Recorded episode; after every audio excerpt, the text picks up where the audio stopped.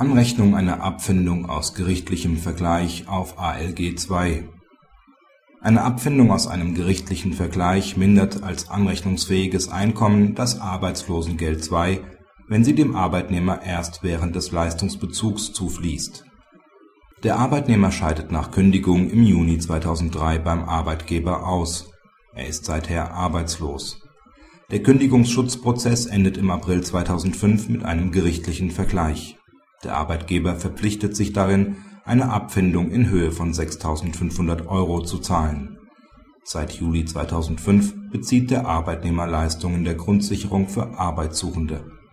Da der Arbeitgeber die geschuldete Abfindung nicht zahlt, betreibt der Arbeitnehmer die Zwangsvollstreckung aus dem Vergleich.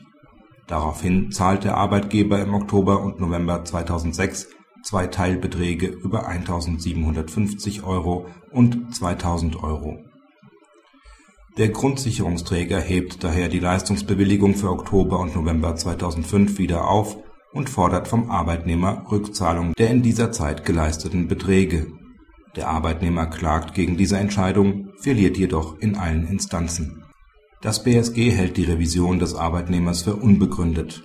Der Grundsicherungsträger darf die Leistungsbewilligung für Oktober und November 2005 aufheben zwar ist der Anspruch auf Abfindung schon vor Antragstellung auf Grundsicherung entstanden, doch bewirken erst die Teilzahlungen während des Bezugszeitraums in 2006 einen finanziellen Zufluss. Sie sind daher nicht anfängliches Vermögen, sondern späteres Einkommen.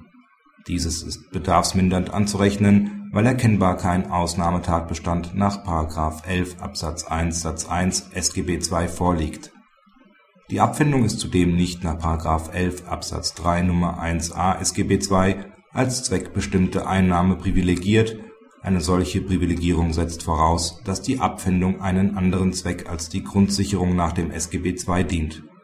Das ist aber nicht der Fall, weil der Arbeitgeber mit der Abfindung lediglich den titulierten Anspruch seines ehemaligen Arbeitnehmers erfüllen will. Ein weitergehender Verwendungszweck besteht nicht der Arbeitnehmer ist hinsichtlich der Verwendung der Abfindungssumme frei.